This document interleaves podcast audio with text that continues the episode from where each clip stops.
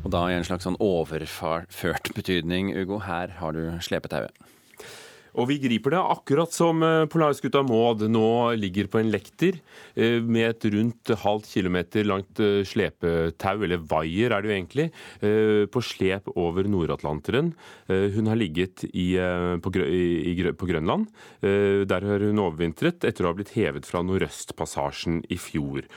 Maud skal altså slepes, Roald Amundsens gamle skute, av Tandberg Polar, som kastet loss i helgen. Eh, det er jo da bare restene av Maud, fordi hun har ligget under isen i 85 år. Men kommer hun velberget hjem i løpet av sommeren, så har det en stor symbolverdi, sier Hanna Geiran, som er avdelingsdirektør hos Riksantikvaren. Maud har jo betydning som en del av vår polarhistorie. Vi var jo en helt ung nasjon da Sydpolen ble nådd. og og det er klart at Disse ekspedisjonene de befestet jo Norge som en ledende makt innenfor vitenskap og ekspedisjonsvirksomhet. Det var utrolig viktig for etableringen av Norge som nasjon. Det er kunstneren Jan Wangård enig i. Det er han som leder bergingsaksjonen på vegne av selskapet Tandberg Eiendom.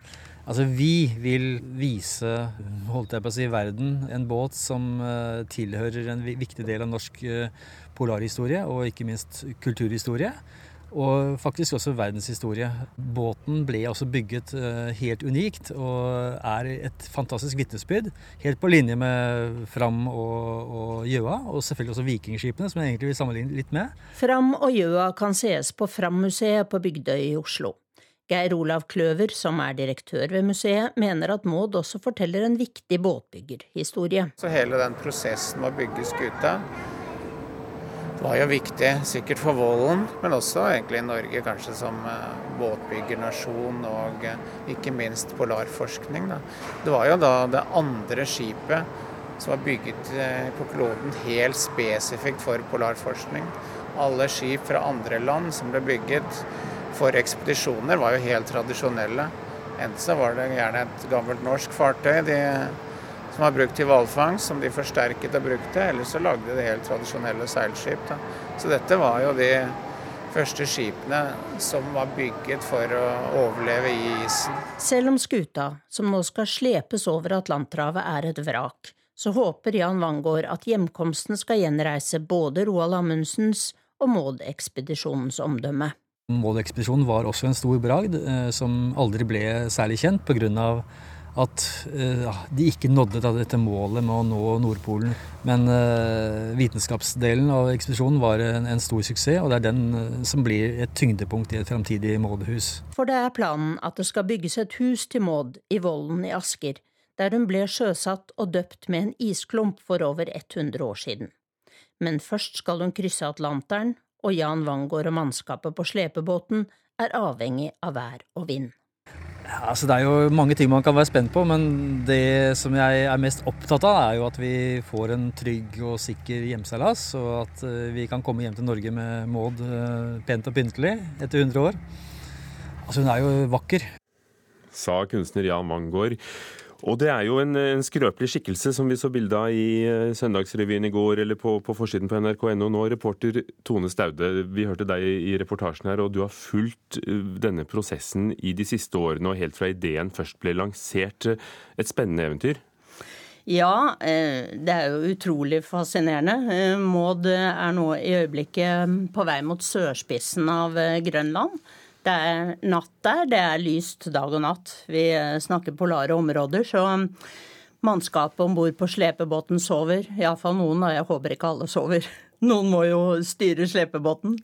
Men eh, jeg snakket med statsmeteorolog Bente Wahl. Skuta har medvind, men det kan øke til stiv kuling utover dagen.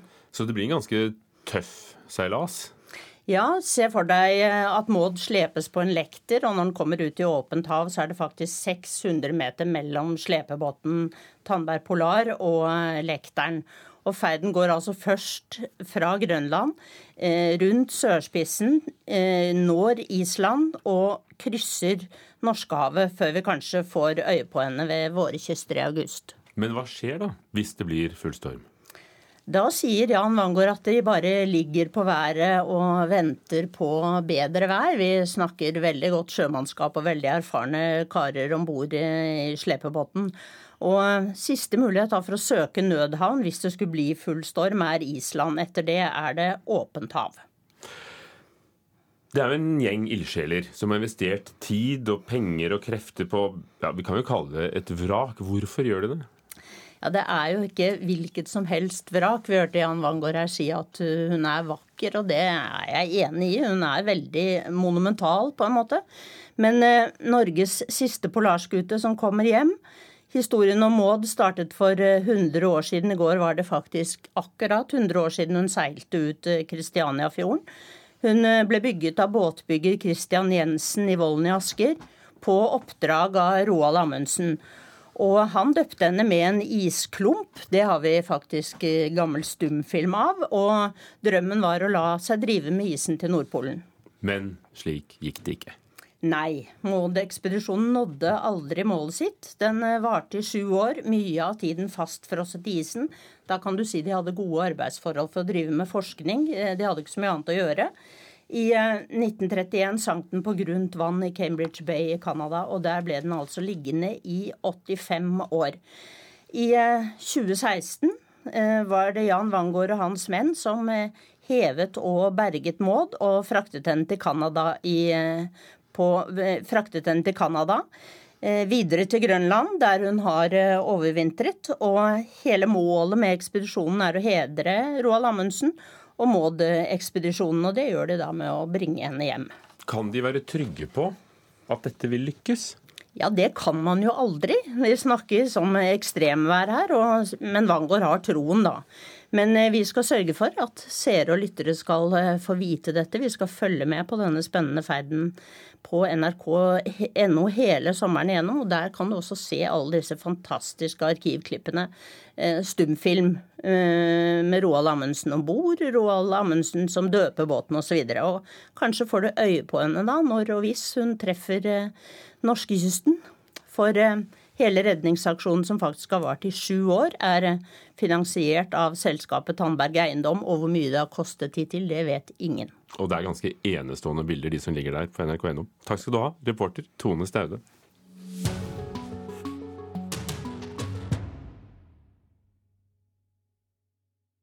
Jeg flyttet mitt diskré blikk fra hennes deilige, runde bryster og opp på de asurblå øynene. Vi fikk skikkelig god kontakt mens vi satt der, i et skjult hjørne av restauranten. Vi snakket og lo. Ja, det får holde. Dette er fra lydbokforlaget Storytels eh, serie Blind erotikk. Eh, en prøve som ligger ute i nettbutikken deres. Kanskje ikke akkurat sensuelt for mange lyttere, men det skal endre seg, eller hva, kulturreporter Kaja Andreassen? Ja, for få ting er vel så intimt som en stemme i øret. Eh, nå satser svenske lydbokforlag på erotiske lydbok, lydbøker med lidenskapelige stemmer, men uten stønning. Og hvorfor ønsker svenskene å øke tempen på de erotiske lydbøkene? Eh, takket være lydboken kan vi nå når som helst stimulere fantasien via hørselen, så det er ikke så rart at flere forlag satser på sensuelt lydmateriale, mener lydbokforlaget World Audio Publishing, som også har uttalt at det beste med lydbøker er at man har hendene fri.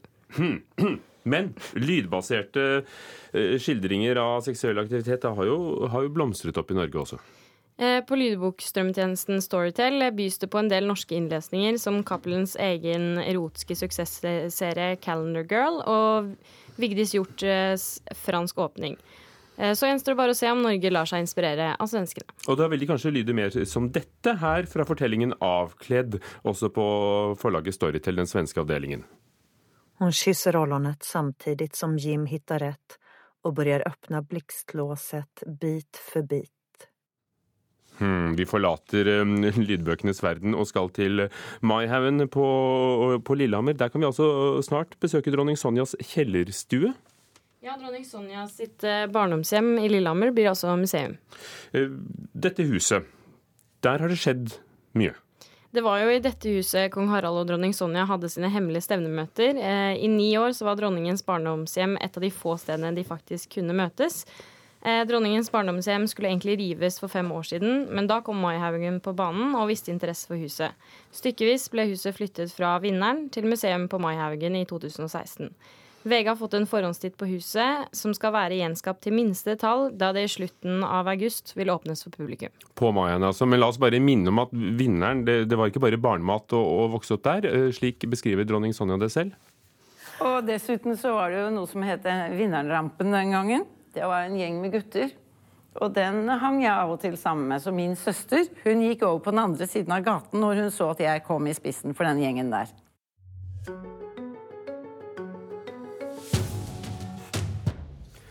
Blåfarveverket på Modum fyller 50 år og markerer dette med en utstilling med tittelen 'Hjemmets skatter', som fokuserer på det dekorerte porselenet og den koboltfargen som ble produsert nettopp på Blåfarveverket Eh, i Buskerud. Mona Palli Bjerke, vår kunstkritiker i NRK.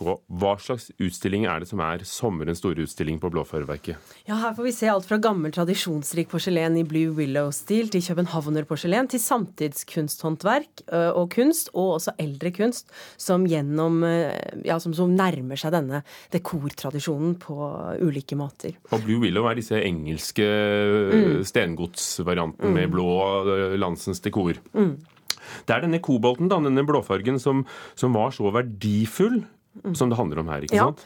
denne, og dette er jo noe som vi har et sterkt forhold til, veldig mange av oss. Vi har sikkert sittet som barn og spist cornflakesen vår og ventet på at dette nydelige blå landskapet eller bildet, motivet, skal stige frem gjennom uh, melken. Og så er jo dette et svært interessant kapittel også i uh, norsk bergverkshistorie. Kobolt var jo det første metallet som ble foredlet i stor skala i Norge. Og i perioden 1778 til 1898 så drev altså Blåfarverket disse koboltgruvene. og laget fargestoff både for porselensdekor, men også for farging eh, av glass. Og I en periode så forsynte de faktisk 80% av verdensmarkedet med dette produktet. For på Blåfarverket går det jo også an å besøke selve gruvene mm. hvor dette ble utvunnet. Men dette er altså kunstutstillingen i tilknytning til det. Hvor direkte går kunstnerne de har valgt inn for å tematisere dette med å, å produsere og utvinne kobolt på Blåfarverket? Altså, de fleste gjør ikke dette så direkte. Det er malerier av, av eldre kunstnere som Nikolai Astrup, Edvard Munch eh, f.eks., eh, som mye mer bare viser hvor nært disse objektene står oss. Det kan være en suppeterrin på bordet, det kan være en tallerkenrekke på veggen. Men så er det også kunsthåndverkere og kunstnere som på en måte jobber seg opp mot tradisjonen. Vanessa Baird har f.eks. tegnet sine burleske motiver inn på et litt sånn bestemoraktig eh, suppeterrin med litt sånn rosemønstre. Men så er det jo en som går mer direkte til verks her, og det er Bjørn Baasen, som har laget to store oljemalerier spesielt for denne utstillingen. Og her har han da i hyperrealistisk stil malt et rom der veggoverflaten er laget av puslespillbrikker i keramikk, hvor du da får se lag på lag. På det ytterste laget så ser vi liksom den karakteristiske københavnerarkitekturen. Så er det noen av puslespillbrikkene som har falt ned, og bakenfor ser vi de norske skogene. Og så ser vi også et slags dukkehus, også laget av eh, porselen, på gulvet, som også har vegger av puslespillbrikker. Der vi ser lag på lag. Først det ytterste laget med denne stolte dekortradisjonen, men bakenfor så ser vi alle de, de krevende kårene for arbeiderne i koboltgruvene, som også var utsatt for eh, fare for arsenikkforgiftning og andre utfordringer. Så det er både en, en utstilling med malerier og, og, og, gjenstander, både historiske og samtidskunstnere? Ja, det stemmer seg en veldig bredde. Så er, jeg synes det er veldig flott også med dette Baasens prosjekt at han viser både dette, dette store industrieventyret, men samtidig skisserer baksiden for arbeiderne her. da. Men er det en god utstilling eh, de besøkende får? Ja, jeg syns dette er en veldig interessant utstilling, fordi den formidler et stykke norsk industrihistorie gjennom kunst og kunsthåndverk, som du sier også eldre og, eh, kunst og samtidskunst. Og det er jo så spennende å tenke på at eh, denne tallerkendekoren, eh, det var jo en demokratisering av billedkunsten. Der kom det romantiske maleriet inn i de tusen hjem. Og dette ble jo på en måte da et helt nytt billedformidlende medium. Og det kan være ganske interessant for oss å tenke på i dag, eh, når vi, vi som er så avhengige av alle våre skjermer skjermer og har liksom ørene proppet igjen med, med lyd på øret, at uh, her fantes det det, var, det, er en tid da, hvor en tallerken kunne være kanskje underholdning uh, god nok. Det kan være litt tankevekkende for oss i dag underholdning i en tallerken. Takk skal du ha, Mona Palle Bjerke. Utstillingen var 'Hjemmets skatter', som er eh, sommerens en av dem. Utstillingen på Blåfarverket på Modum i Buskerud. og den, den, henger til ute i september en tid. Mm. Dette er Nyhetsmorgen. Birger Kåsrud Jåsund, det er litt tid igjen. Ja da, vi har en uh, halvtime på, så vi skal snakke om natteravner. Men ikke natteravner der du forventer å finne dem, men natteravner uh, på feststedene Magaluf uh, f.eks. Men det er altså etter nyheten en gang.